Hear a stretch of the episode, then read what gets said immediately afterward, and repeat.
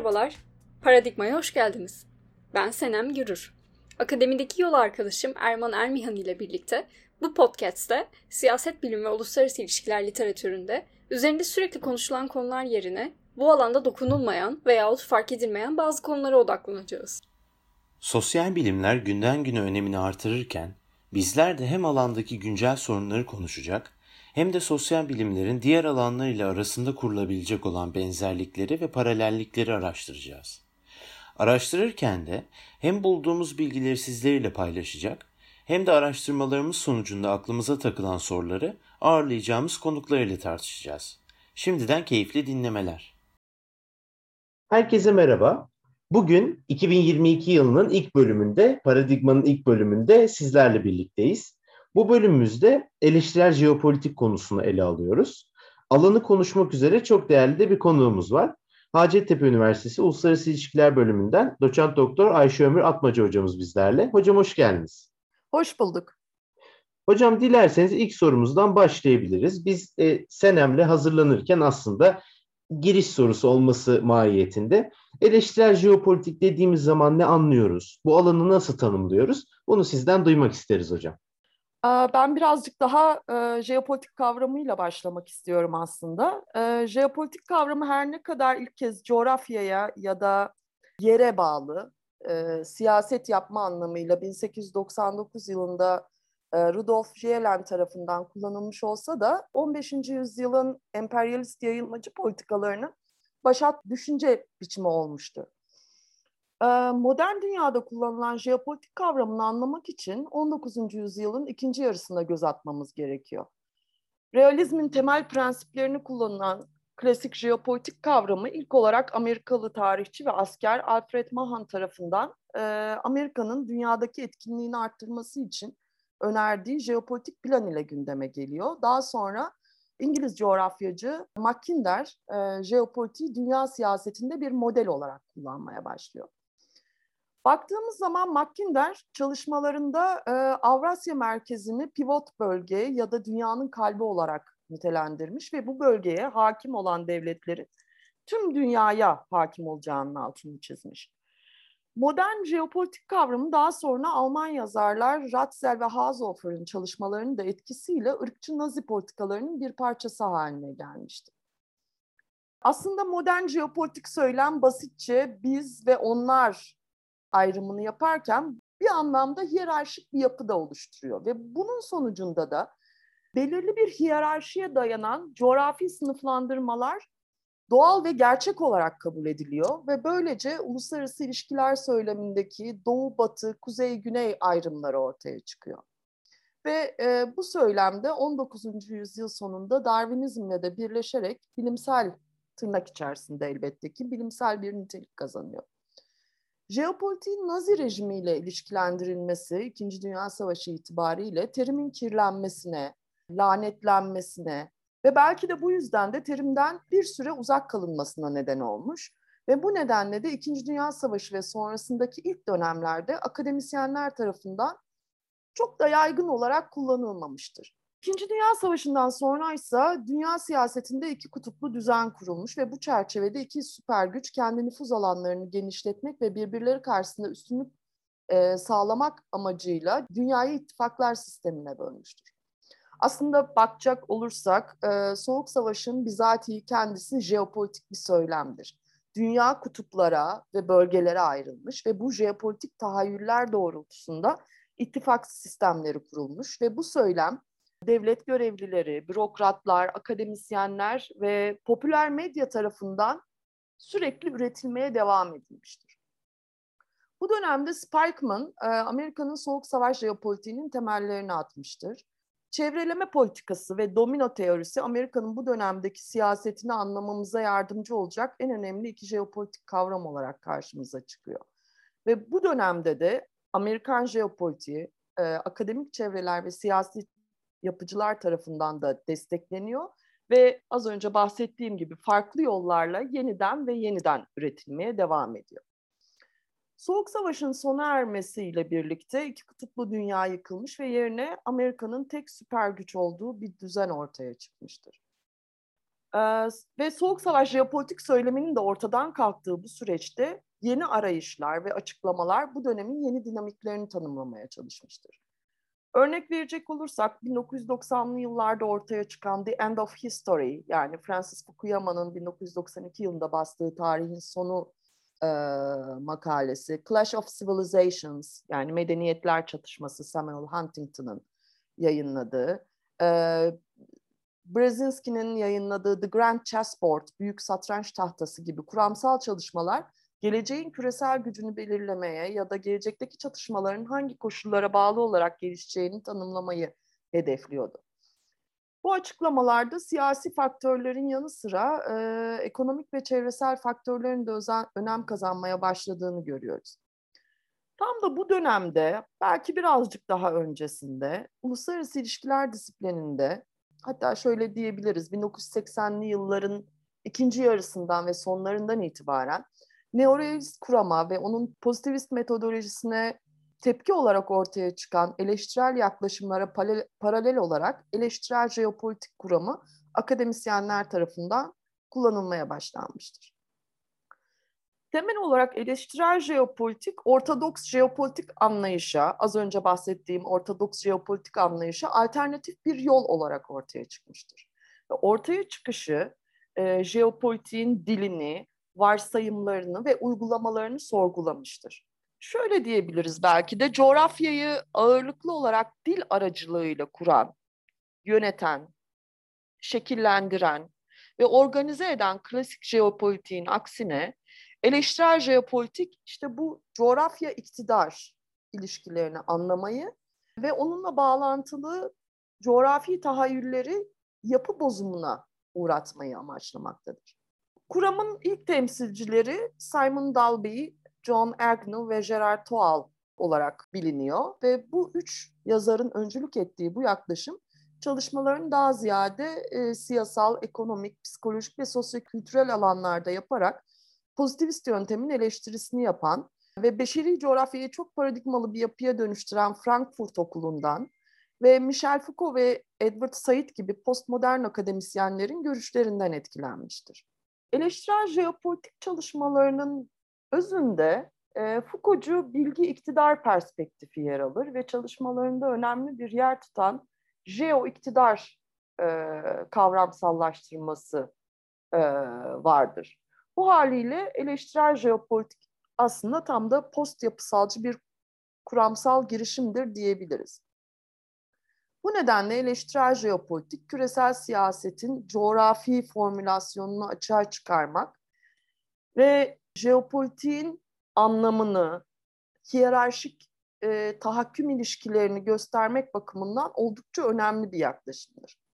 Bu çerçevede devletçi dünya görüşüne eleştiri getiren eleştirel jeopolitik kuramı önce e, 19. yüzyılda batılı devletlerin emperyalist projelerinin bir parçası olarak ortaya çıkan klasik jeopolitik anlayışının temellerini sorgularken e, bu terminolojide kullanılan kavramların bilimsel, masum, doğal ya da iddia edildiği gibi objektif olmadığını, aksine güç ve iktidar ilişkisinin bir sonucu olarak ortaya çıktığını ileri sürüyor. Tabii dış politika yapımına ilk önce odaklanıyor eleştirel jeopolitik ve dış politika yapımında jeopolitik düşüncenin öneminin altını çiziyor ve mesela Agnew yine yani e, eleştirel jeopolitiğin kurucu e, akademisyenlerinden John Agnew, jeopolitik tahayyül kavramı ile ülkelerin dünyayı nasıl inşa ettiğini, nasıl hayal ya da tahayyül ettiğini göstermeye çalışıyor. Bu noktada jeopolitik tahayyüller ulusal çıkarları da inşa etmesi ve dolayısıyla bir devletin dış politika eylemlerini meşrulaştırması nedeniyle e, devletlerin dış politika yönelimlerinde görülebiliyor. Benzer bir şekilde jeopolitik vizyonlar da bir ülkenin jeopolitik tahayyüllerinin yansımaları olarak görülebiliyor ve jeopolitik vizyonlardaki herhangi bir değişiklik ülkelerin dış politika eylemlerini haklı çıkarmak için jeopolitik bağlamdaki büyük dönüşümlerden kaynaklanıyor. Aslında temel olarak eleştirel jeopolitik kuramı dış politika yapımında kullanılan dilin önemini vurguluyor. Ve e, tüm bu söylediklerimden çıkaracak olursak dış politika ve güvenlik politikaları dünya siyasetini çerçeveleyen e, belirli jeopolitik tasavvur, tahayyül ve vizyonların ürünleridir.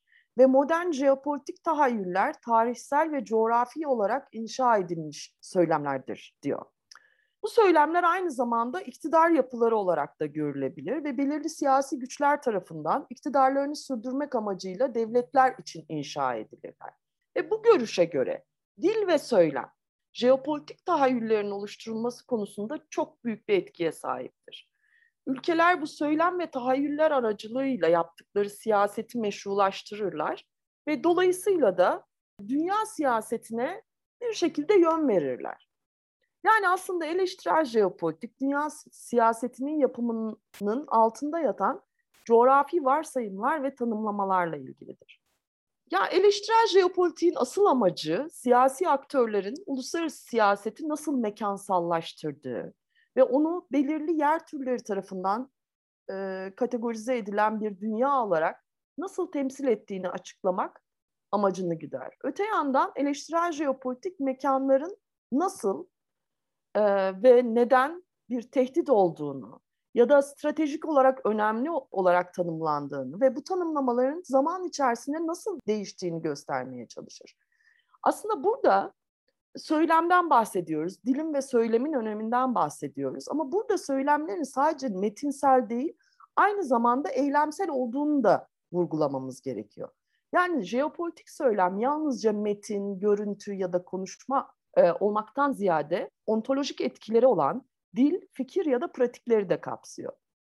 Ve metaforlar mesela bu çerçevede jeopolitik temsili ya da tahayyülü oluşturan söylemsel pratik için e, birer araç haline gelmişlerdir.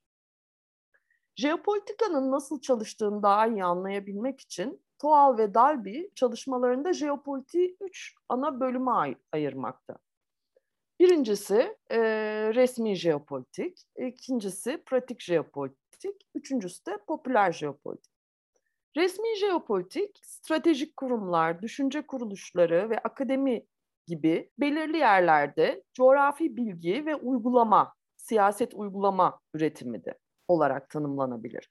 Pratik jeopolitik ise Cumhurbaşkanı, Başbakan, Dışişleri Bakanı gibi devlet bürokrasisi gibi aktörler ve siyasi kurumlar tarafından gerçekleştirilen devlet yönetimi uygulamalarıyla ilgili temel olarak. Son olarak popüler jeopolitik ise medya, sinema, roman veya çizgi filmlerin jeopolitik temsillerini anlatmaya çalışır bize. Ee, çok detaylı bir giriş oldu. Çok teşekkür ederiz anlatımlarınız için. Hı hı. Hocam dilerseniz ikinci soruda bu anlattığınız çerçevede eleştirel jeopolitiğin sizin görüşünüze göre e, uluslararası ilişkiler yazında nereye oturduğunu sizden duymak isteriz. Yani günümüz uluslararası ilişkiler alanında jeopolitik, eleştirel jeopolitik özellikle nereye konumlanıyor hocam? Ee, önemli bir çalışma alanı olarak görülüyor mu? Bunu Hı-hı. sizden duymak isteriz hocam. Tabii yani bu kuramın hani kurucuları Toal Dalby ve Agnew gibi akademisyenler ilk olarak yani bu işte 80'lerin sonunda ve 90'ların başlarında ürettikleri eserlerle ana akılım e, jeopolitik kuramları yaklaşımları ve metinlerini eleştiren çeşitli çalışmalar yapmışlar ve kuramın temel argümanlarının üzerinde durmuşlar. Ve zaman içerisinde özellikle 2000'lerden sonra eleştirel jeopolitik üzerine oluşan literatür muazzam bir şekilde büyüdü. Çalışmalar jeopolitik tasavvurların dünya siyasetini nasıl çerçevelediğine dair makro ölçekli analizlerden Mesela Fergana Vadisi sınır anlaşmazlığı gibi çok daha küçük ölçekli araştırmalara kadar uzanıyor. Yelpaze o kadar büyük aslında. Özellikle dediğim gibi 2000 yıllardan sonra akademik yazında eleştirel jeopolitik çalışmalarının büyük bir hızla arttığını görüyoruz.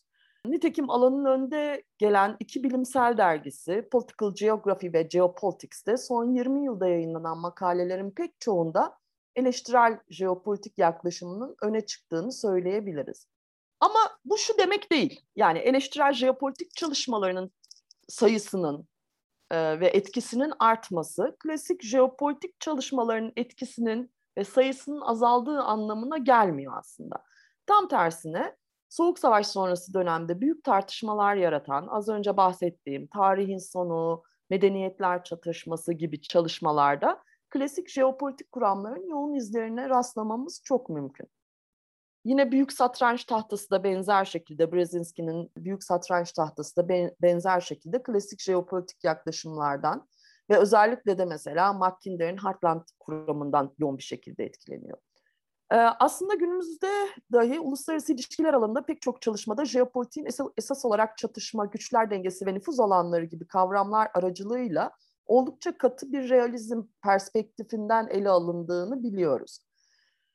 Ee, bu durum eleştirel jeopolitik perspektifinden üretilen çalışmaların çok yoğun bir şekilde yaşandığı Batı Avrupa, İngiltere ve Amerika Birleşik Devletleri'de de çok mümkün aslında. Yani ikisi aynı koldan gidiyor. Yine Rusya'da jeopolitik kuramlara, jeopolitik kavramına çok fazla bir ilgi var ve Soğuk Savaş'tan sonra mesela Alexander Dugin'in başını çektiği yeni Avrasyacılık e, yine klasik jeopolitiğin etkisinde e, oluşan bir yaklaşım. Ama eleştirel jeopolitiğin burada önemi aslında bizim için dile ve söyleme olan vurgusu.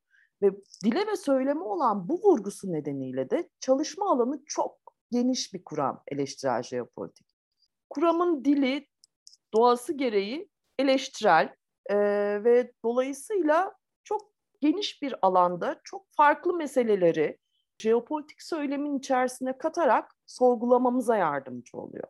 Şeye baktığımızda, eleştirel jeopolitik literatürüne baktığımızda pratik ve resmi jeopolitik incelemelerinin eleştirel jeopolitik literatüründe en sık yapılan çalışmalar olduğunu söyleyebiliriz. Toplumsal gerçekliğin söylemsel inşası, devlet yönetiminin entelektüelleri de dahil olmak üzere belirli siyasi failler tarafından şekillendirilmesi nedeniyle akademisyenler tarafından bu söylemlerin incelenmesi eleştirel jeopolitikte en sık karşılaştığımız çalışmalar. Ama buna ek olarak popüler jeopolitik, e, direniş jeopolitiği ve anti jeopolitik üzerine de zengin bir çalışma grubu vardır. Mesela eleştirel jeopolitiğin çalışma alanlarından olan popüler jeopolitik tanımı büyük ölçüde medya unsurlarının güç ve eylemsel etkileri üzerinden çalışmalarını sürdüren bir alanı tanımlıyor. Ee, Hollywood ve Bollywood gibi ekonomik olarak çok güçlü olan film stüdyolarının izleyici kitlesinin algısını şekillendirmede oldukça önemli görevler üstlendiğinin altını çiziyor. Ve işte buralarda çekilen ve çok sayıda izleyiciye oluşan filmler üzerinde e, belirli bir mekan dokusu e, ve orayla ilgili çeşitli kavram setleri görülüyor. Yani filmler çok önemli. E, filmler üzerinden farklı kültürler sunabiliyoruz. Propaganda yapılabiliyor e, ya da ulus inşası gibi toplumun hafızasına belirli toplumların yaşam biçimine ilişkin bir tutum geliştirilebiliyor. Ve dolayısıyla popüler jeopolitik e, politik konusunda çalışan e, akademisyenler, e, araştırmacılar özellikle sinemanın ürettiği bu jeopolitik tahayyüller üzerine çalışıyor. Jeopolitik tahayyüller ama e, şöyle diyebiliriz, yalnızca filmlerle üretilmiyor. Aynı zamanda işte diziler, komedi programları, Hatta çizgi filmler, yazılı basın yani dergiler, ulusal yerel gazeteler ve romanlarla da yapılıyor. Bu alanda mesela en çok e, benim okuyabildiğim yazarlar Klaus Dodds, Shin Carter ve Joanne Sharp gibi e, siyasi coğrafyacılar. Bu yazarlar eleştirel jeopolitiğin medyatik düzlemi ve buradaki güç ilişkilerini çeşitli çalışmalarla geliştiriyor. Şimdi az önce bahsettiğim resmi, pratik ve popüler jeopolitik çalışmalarının yanı sıra feminist jeopolitik, milliyetçiliğin jeopolitiği, terörizmin jeopolitiği, şehir jeopolitiği ve hatta mesela 2015 yılından sonra ortaya çıkan yenilenebilir enerjinin jeopolitiği gibi alt başlıklar altında da e, eleştirel jeopolitik kuramı kullanılarak çeşitli çalışmalar yapılıyor.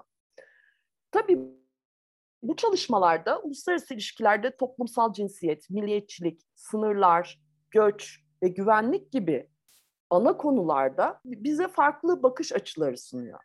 Türkiye'deki akademik yazına bakacak olursak bugüne kadar jeopolitik üzerine yapılan çalışmaların aslında e, tıpkı dünyada olduğu gibi klasik jeopolitik kuramlarını temel alarak yapan çalışmalar olduğunu söylememiz çok mümkün. Ve hatta askerlerin eliyle Türkiye'ye jeopolitik kavramı ve jeopolitik kuramlarının geldiğini biliyoruz.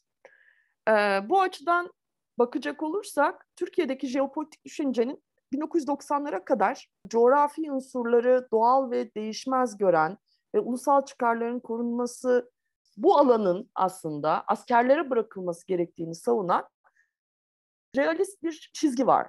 Soğuk Savaş'tan sonraki dönemde ise Türkiye'de jeopolitik e, alanında yapılan akademik çalışmaların sayısında ciddi bir artış görüyoruz. Ama bu çalışmaların gerçekten yine çok önemli bir bölümü klasik jeopolitik yaklaşımın etkisinde yapılmış.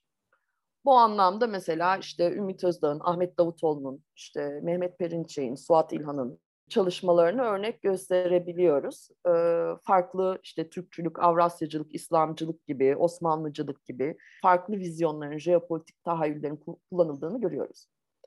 Ama özellikle 2000'li yılların ikinci yarısından itibaren Türkiye'deki e, akademiyada eleştirel jeopolitiğe yönelik belli bir ilginin doğduğunu söyleyebiliriz. Tabii bu alanda e, en önemli öncüler Pınar Bilgin, e, Pınar hocamız, Lerna hocam, Lerna Yanık ve Murat Yeşiltaş gibi e, akademisyenlerin çalışmaları bu konuda gerçekten öncülük ediyor ve özellikle İngilizce literatürde son dönemde Türkiye'nin iç ve dış siyasetini eleştiren çalışmalar yapılıyor bu alanda. Evet son 20 yılda, son 15 yılda bu konuda farklı çalışmalar yapılabiliyor. Ben de bu alanda katkıda bulunmaya çalışıyorum.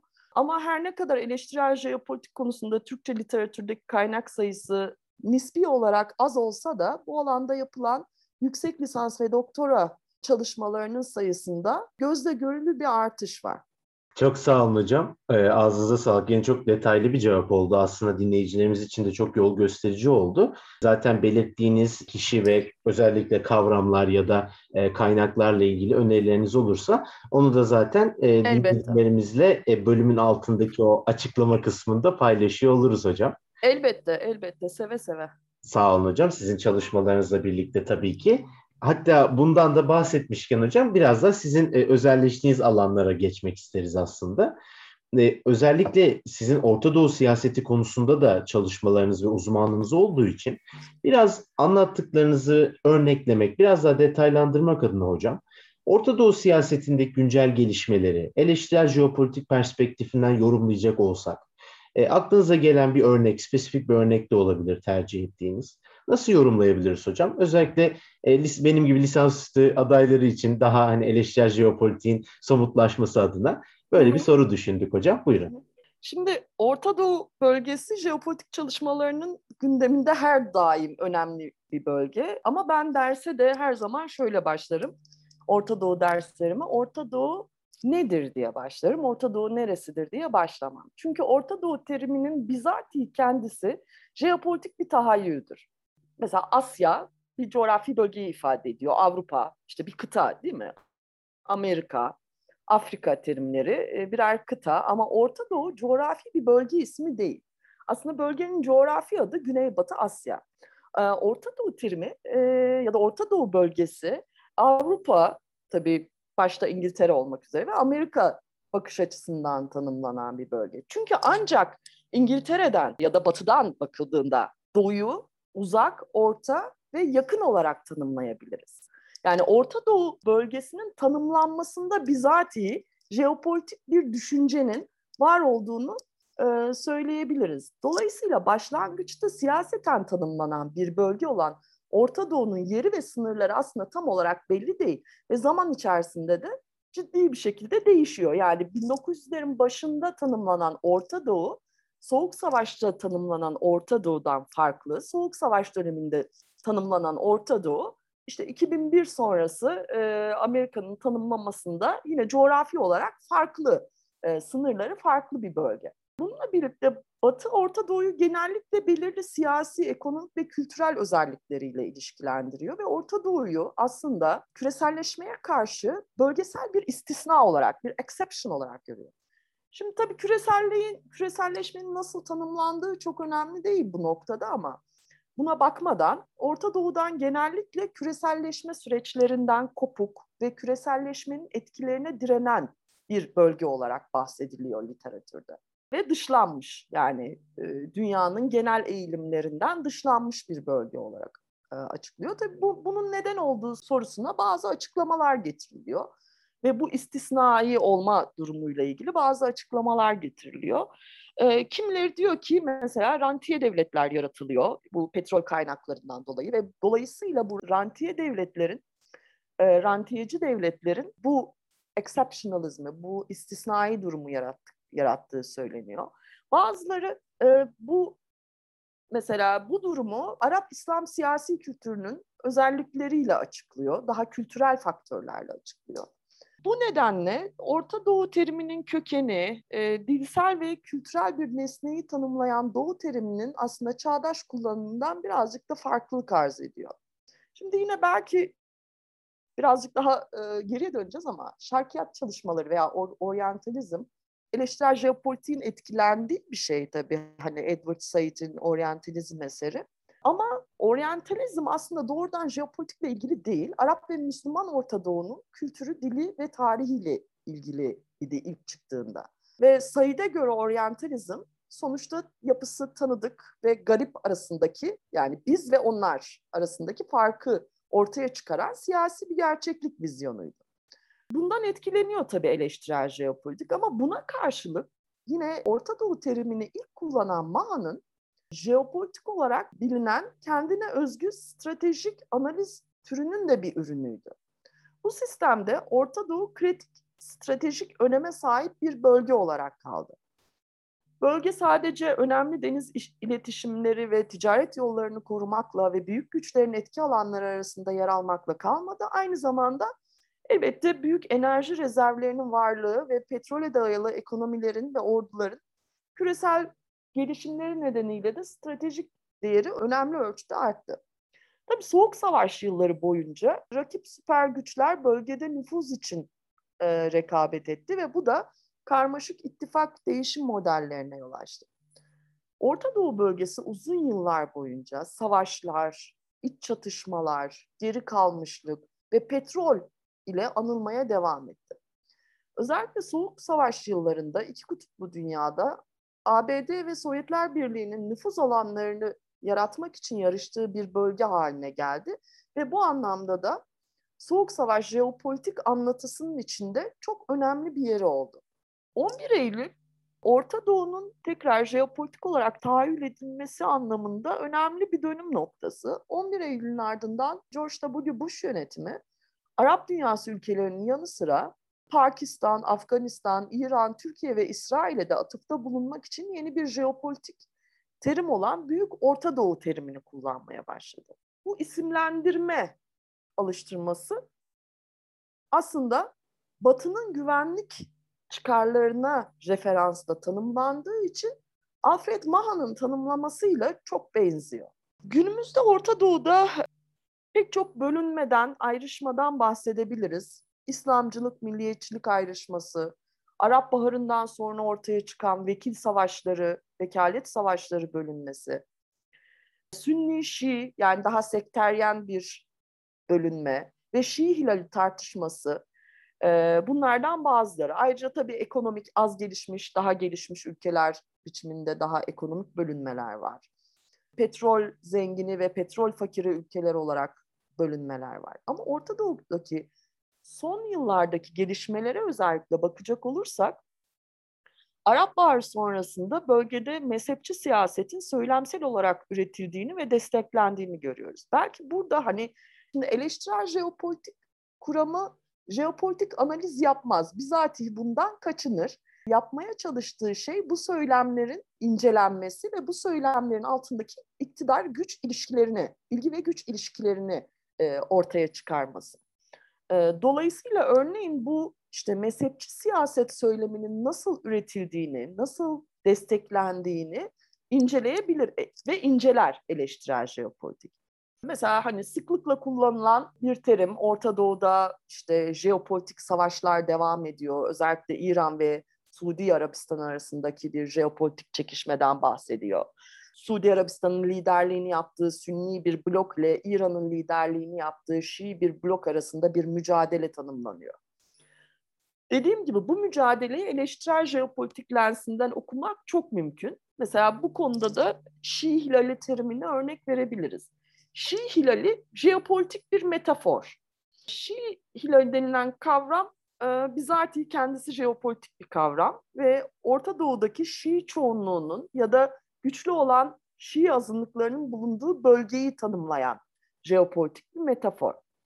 Ee, ilk olarak Ürdün Kralı Abdullah tarafından kullanılıyor. Mesela Şii Müslümanların çoğunlukta olduğu ülkeler Azerbaycan, İran, Bahreyn, Irak, Lübnan. Azınlıkta olduğu ülkeler Türkiye, Yemen, Afganistan, Pakistan, Kuveyt, Suudi Arabistan, işte Birleşik Arap Emirlikleri ve Suriye. Şimdi bu ülkelere haritadan bakıldığında hilale benzer bir şekil çıkartılıyor. Ama işte bu Şii hilali ve mezhepçi artık daha böyle mezhepçi bir çatışmaya evrilmiş olan Orta Doğu'daki çatışmalar aslında yine belli bir e, amaca hizmet edebilmek için oluşturulmuş jeopolitik tahayyüller. Mesela özellikle İran devriminden sonra Amerikan yönetimi bu tarz jeopolitik tahayyüller üreterek İran'ı çevrelemeye çalışıyor. İşte dual containment dediğimiz ikili çevreleme politikasıyla 1990'larda İran ve Irak çevrelenmeye çalışılıyordu.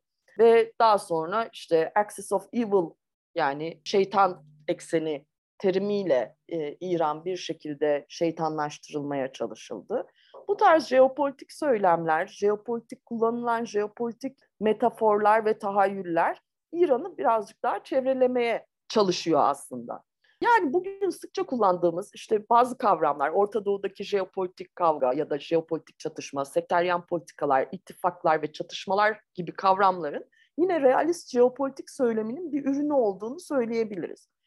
Eleştirel jeopolitik aslında tam da bu noktada bilgi ve güç ilişkisinin altını çiziyor az önce de söylediğim gibi ve bir yapı sökümü yapıyor. Post yapısalcı yaklaşımın metodolojisi olarak bir yapı sökümü yapıyor ve bu söylemin altındaki ideolojik çıkarları ortaya çıkarmaya çalışıyor. Ağzınıza sağlık yine çok kapsamlı bir cevap oldu. Çok teşekkür ederiz. Hocam e, son soruda da biz aslında biraz daha e, sizin Türk-Amerikan ilişkileri üzerine yaptığınız deneyimden ve biriktirdiğiniz çalışmalardan aslında istifade ederek girmek istedik. Burada 2013 yılında e, Akademik Orta Doğu dergisinde yayınladığınız makaleden çok faydalandık hocam programa hazırlanırken. Burada Türkiye-ABD ilişkilerini 11 Eylül jeopolitik perspektifinden ele alıyorsunuz ve ilişkilerin günümüzdeki konumunu bu perspektiften aslında nasıl yorumlayabiliriz? Size bunu sormak isteriz. Bir de 11 Eylül'den bu yana aslında günümüze gelene kadar ikili ilişkilerde hangi jeopolitik dengelerin değiştiğini görüyorsunuz hocam? Bunu sizden duyarsak çok seviniriz.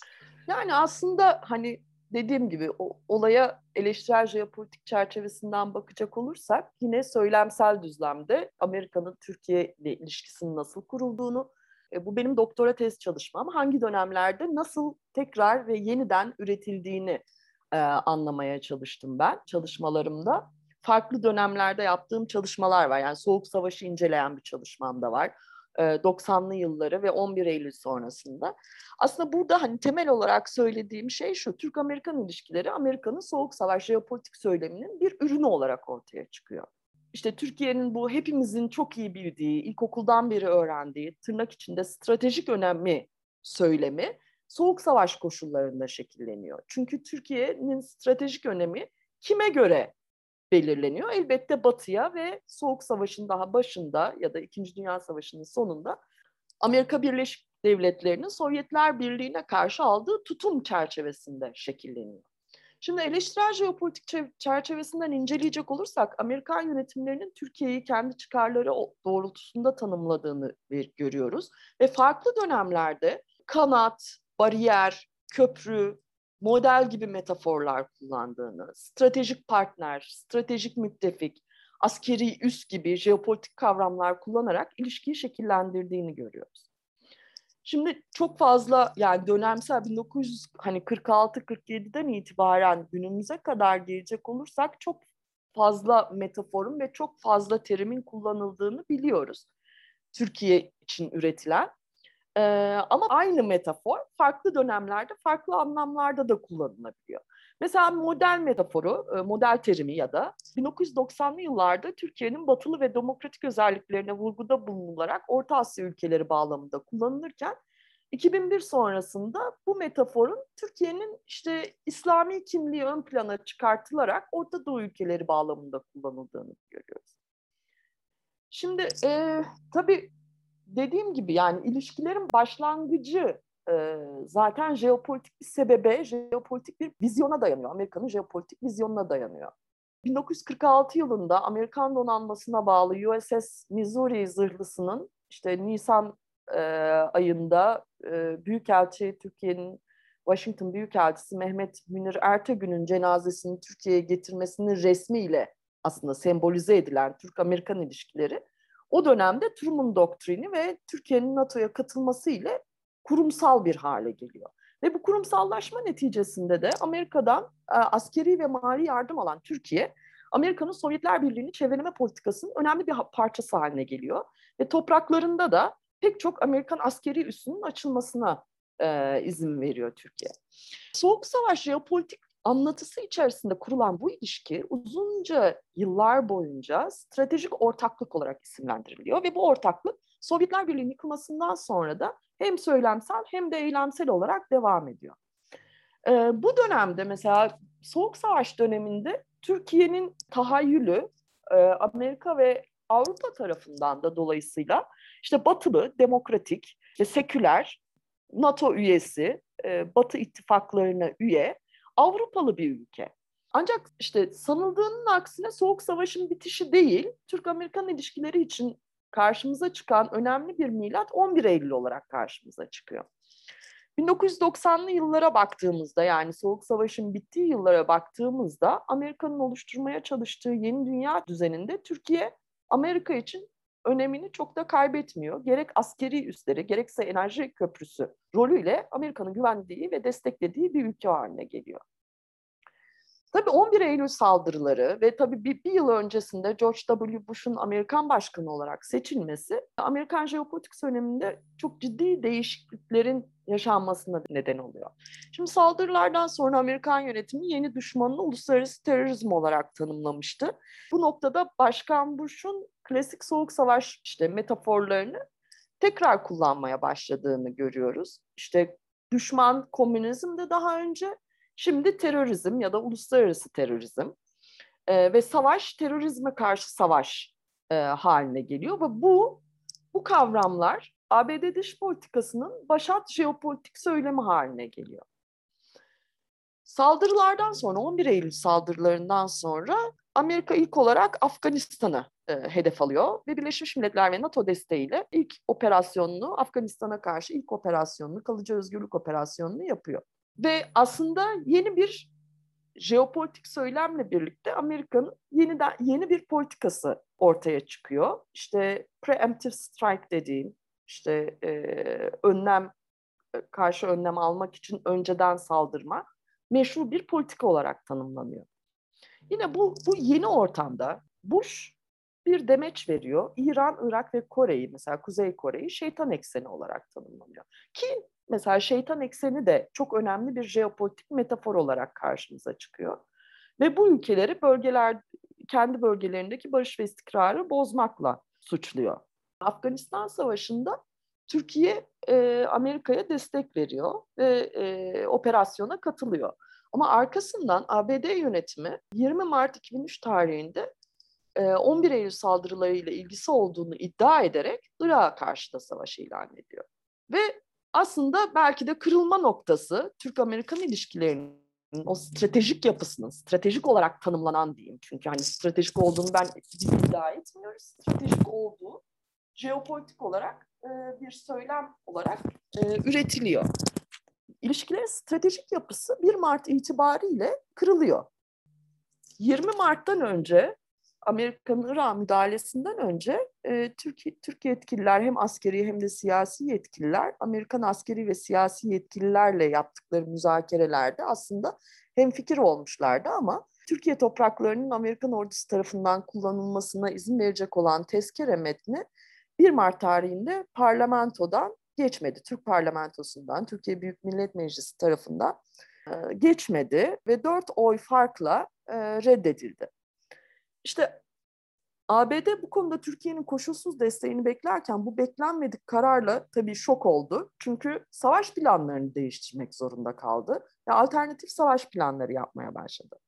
Ve aslında dediğim gibi ilişkilerin stratejik yapısı işte bu iki birbirine güvenen müttefik ilişkisi 1 Mart tezkeresinde çok büyük yara aldı. Hemen onu takip eden aylar içerisinde e, ilişkiler mesela 4 Temmuz 2003 tarihinde Süleymaniye'de Türk askerlerinin ABD askerlerinin tarafından başlarına çuval geçirilmiş halde tutuklanmalarıyla yeni bir kriz dönemine gel- girildi. Buna işte çuval krizi, Hood Incident, Hood Crisis da deniliyor. Ve işte bu olay Amerika'nın Türkiye'nin 1 Mart kararına karşı e, aldığı intikam olarak tanımlandı. Şimdi bu iki olay aslında Ankara ve Washington'ın e, Afganistan'dakinin aksine birbirlerinden farklı çıkarları olduğunu ve iki ülkenin bu konuda ortak tehdit algılayışlarında kalmadığını gösteriyor. Daha sonra ilişkiler bir şekilde düzelmeye çalışıldı. Amerika Birleşik Devletleri Büyük Orta Doğu Projesi'ni yayınladı ve Büyük Orta Doğu Projesi'nde e, Türkiye örnek ülke, model ülke olarak gösterildi. Ama dediğim gibi Irak Savaşı iki ülke arasında hem siyasi hem de askeri alanlarda önemli bir e, kırılma noktası oldu. Türk ordusu suçlandı Amerikalı yetkililer tarafından. Sorumluluğunu tam olarak yerine getirmemekle suçladılar Türk ordusunu. Ve hani bu konuda ciddi hem askeri anlamda hem de siyasi anlamda ciddi krizler yaşandı. Bana göre bu dönemde Türkiye'nin jeopolitik tahayyülü konusundaki en önemli gelişme Türkiye'nin Orta Doğu için ılımlı İslam modeli olarak tanımlanması. Çünkü dediğim gibi Soğuk Savaş yıllarında Türkiye batılı, seküler, demokratik, batılı kurumlara üye, Avrupalı bir devlet olarak tanımlanırken 90'lı yıllarda bu tanımlama birazcık daha değişti. Türkiye'nin bir Doğu ile Batı arasında bir köprü olduğunun vurgusu yapıldı bir enerji köprüsü, bir kültür köprüsü olduğunu olduğunun altı çizildi. Ama yine Türkiye'nin seküler ve demokratik ve batılı tanımlamasından vazgeçilmedi. 2001 yılından sonra hatta 2003 yılından sonra Türkiye'nin e, ılımlı İslam modeli olarak tanımlanması bence gerçekten Türkiye'nin jeopolitik tahayyülü açısından en önemli gelişme o, o tarihe kadar Türkiye'nin Müslüman işte nüfusunun yapısından hiç bahsedilmemişti çünkü. E, ve bundan sonraki tanımlamalarda Türkiye Orta Doğu'nun parçası. Evet başarılı bir demokratik örnek, diğer Müslüman ülkelere başarılı demokratik bir örnek olarak gösterilmeye başlandı. 90'lı yıllarda yine Türkiye Orta Asya ülkeleri için model olarak gösterilse de bu konuda çok başarılı olunmamıştı. Ama dediğim gibi 2001'den sonra Orta Doğu devletleri için demokratik bir örnek devlet ve model olarak tanımlanmaya başladı. Tabii dolayısıyla Büyük Orta Amerika'nın Büyük Orta Doğu projesi planında Türkiye önemli bir yer aldı. Tabii hani Türkiye ile Amerika arasındaki ilişkiler aslında daha inişli çıkışlı 2001'den sonra. Dediğim gibi ilişkiler o ilk krizlerden sonra tekrar yoluna koyulmaya çalışıldı. Pek çok anlaşma yapıldı. İlişkiler normalleştirilmeye çalışıldı. Hatta işte Barack Obama'nın 2009 yılında Türkiye'ye yaptığı ilk resmi ziyarette Büyük Millet Meclisi'ndeki yaptığı, Türkiye Büyük Millet Meclisi'nde yaptığı konuşmada e, Türkiye'yi Amerika'nın hayati bir müttefiki ve Avrupa'nın çok önemli bir parçası olarak tanımlaması bu yeni yaklaşımın oluşturulmasına yardımcı oldu. Yine bakın Obama ilk geldiği zaman 2009 yılında iktidarı e, ilk konuşmasında model ortaklık derken yine model metaforunu kullanıyor. E, aslında Obama'nın anlayışında Türk-Amerikan ittifakı İslam dünyası için bir model olmalı model ortaklık kavramı işte o dönemde her ne kadar ilişkilerin yeni çerçevesini çiziyormuş gibi görünse de çok net olmaması nedeniyle de iki ülke arasındaki ilişkilerin tamirinde çok da başarılı olmuyor. Daha sonra yaşanan gelişmeler aslında e, yine Türk-Amerikan ilişkilerinin bir şekilde hani eksen değişikliği demeyeceğim ama e, ilişkilerinin tonunu çok belirliyor. Evet daha önceki o stratejik ortaklık döneminde de krizden bağımsız, krizlerden bağımsız bir ilişkilenme biçimi yoktu. Kıbrıs sorunu vardı, Afyon sorunu vardı, silah ambargosu dönemi vardı. Ama gerçekten hani bu e, güven meselesi 2001'den sonra çok değişti. Obama döneminde ilk başta model ortaklık söylemiyle başlayan süreç daha sonra gezi olayları ve Arap Baharı'nın ortaya çıkmasından sonra tabii birazcık daha fazla şekil değiştirdi. Türkiye'nin Suriye iç savaşında izlediği agresif siyaset, İsrail'le olan ilişkilerinde yaşanan büyük krizler özellikle 2009-2011'de ondan sonra Mavi Marmara olayından sonra ve iç politikada yaşanan gelişmeler Türk-Amerikan ilişkilerinin çok inişli çıkışlı bir biçimde seyretmesine neden oldu. Donald Trump döneminde ise işte hani Donald Trump'ın seçilmesiyle birlikte Fethullah Gülen'in iadesi meselesi gündeme getirildi. Daha sonra Rahip Brunson e, krizi yaşandı. Halk Bankası davaları gibi e, krizlerle uğraşıldı ve bu dönem çok çalkantılı bir dönem haline geldi. Amerika'nın İsrail politikası da tabii Türkiye ile olan ilişkilerinin gerilmesine neden oldu. Ve bu çalkantılı bir biçimde gelişen, devam eden Türk-Amerikan ilişkileri özellikle Amerika'nın Orta Doğu politikalarına paralel olarak şekillenmeye devam etti. Günümüzde baktığımızda bölgede bir şekilde söz sahibi olmaya çalışan Türkiye, AB üyeliği vizyonundan vazgeçmiş, Orta Doğu'da Amerika ve Rusya arasında sıkışmış, yeni Osmanlıcılık söyleminin yerine Batı'ya alternatif olarak yeni Avrasyacılık jeopolitik söylemini kullanmaya çalışmış ve bunda da çok başarılı olamamış bir ülke olarak Amerika ile ilişkilerini e, daha konjonktürel olarak sürdürüyor diyebiliriz açıkçası. Biraz daha hani krizler temelli ama daha günlük siyasete e, bağlı bir şekilde devam ediyor diyebiliriz. Hocam çok teşekkürler bu kapsamlı cevaplarınız için. Rica e, kesinlikle ederim. çok faydalı bir bölüm oldu ama e, yani kapatmadan sizin son sözleriniz olursa diye tekrar e, son sözü size vermek isterim hocam. Yok çok teşekkür ederim. Yani e, aslında eleştirel jeopolitik çalışma alanı çok zevkli bir konu. Ee, özellikle bu yapı söküm, dilin, söylemin nasıl jeopolitik tahayyülleri inşa ettiğini göstermesi açısından hani çok zengin bir konu. Dolayısıyla bu konuda çalışacak arkadaşlara hani biraz cesaret vermek isterim ben. Gerçekten hani e, Türkiye gibi ülkelerde bunu bu konuyu çalışmak çok keyifli aslında bir anlamda. Sadece hani büyük ülkelerin ya da dış politika yapımının değil, işte feminist jeopolitik gibi çok ilginç gerçekten çalışmalar yapılıyor bu konuda. Milliyetçiliğin jeopolitiği, işte Bosna Savaşı ile ilgili makaleler okudukça mesela çok ilginç geliyor. Yani dünyanın pek çok savaşıyla ve milliyetçiliğiyle ilgili çalışmalar yapılıyor. Gerçekten e, çok insanı zenginleştirici bir alan. Bu yüzden ben çok tavsiye ediyorum e, meraklı arkadaşlara okumalar yapmalarını. Çünkü gerçekten bir anlamda da az önce dediğim gibi dil ve söylem üzerinde olunca e, ulaşmadığı, gitmediği e, nokta yok. Çünkü insan sözden ibaret.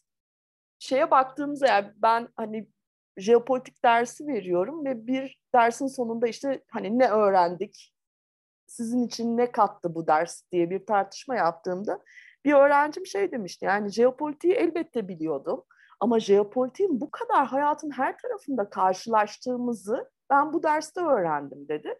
Bence çok gerçekten önemli bir şeydi söylediği dilin işte nasıl inşa ettiğini görmek çok önemli. O yüzden ben çok tavsiye ediyorum tabii meraklısı olan arkadaşlara.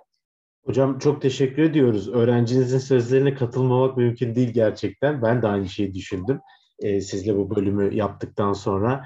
Yani dolayısıyla özellikle benim gibi lisansüstü öğrenciler için hatta yani genel bu konuya meraklı insanlar için de çok faydalı bir yayın olduğunu düşünüyorum. Dolayısıyla vakit ayırıp geldiğiniz, bizle değerli görüşlerinizi paylaştığınız için çok teşekkür ediyorum ben.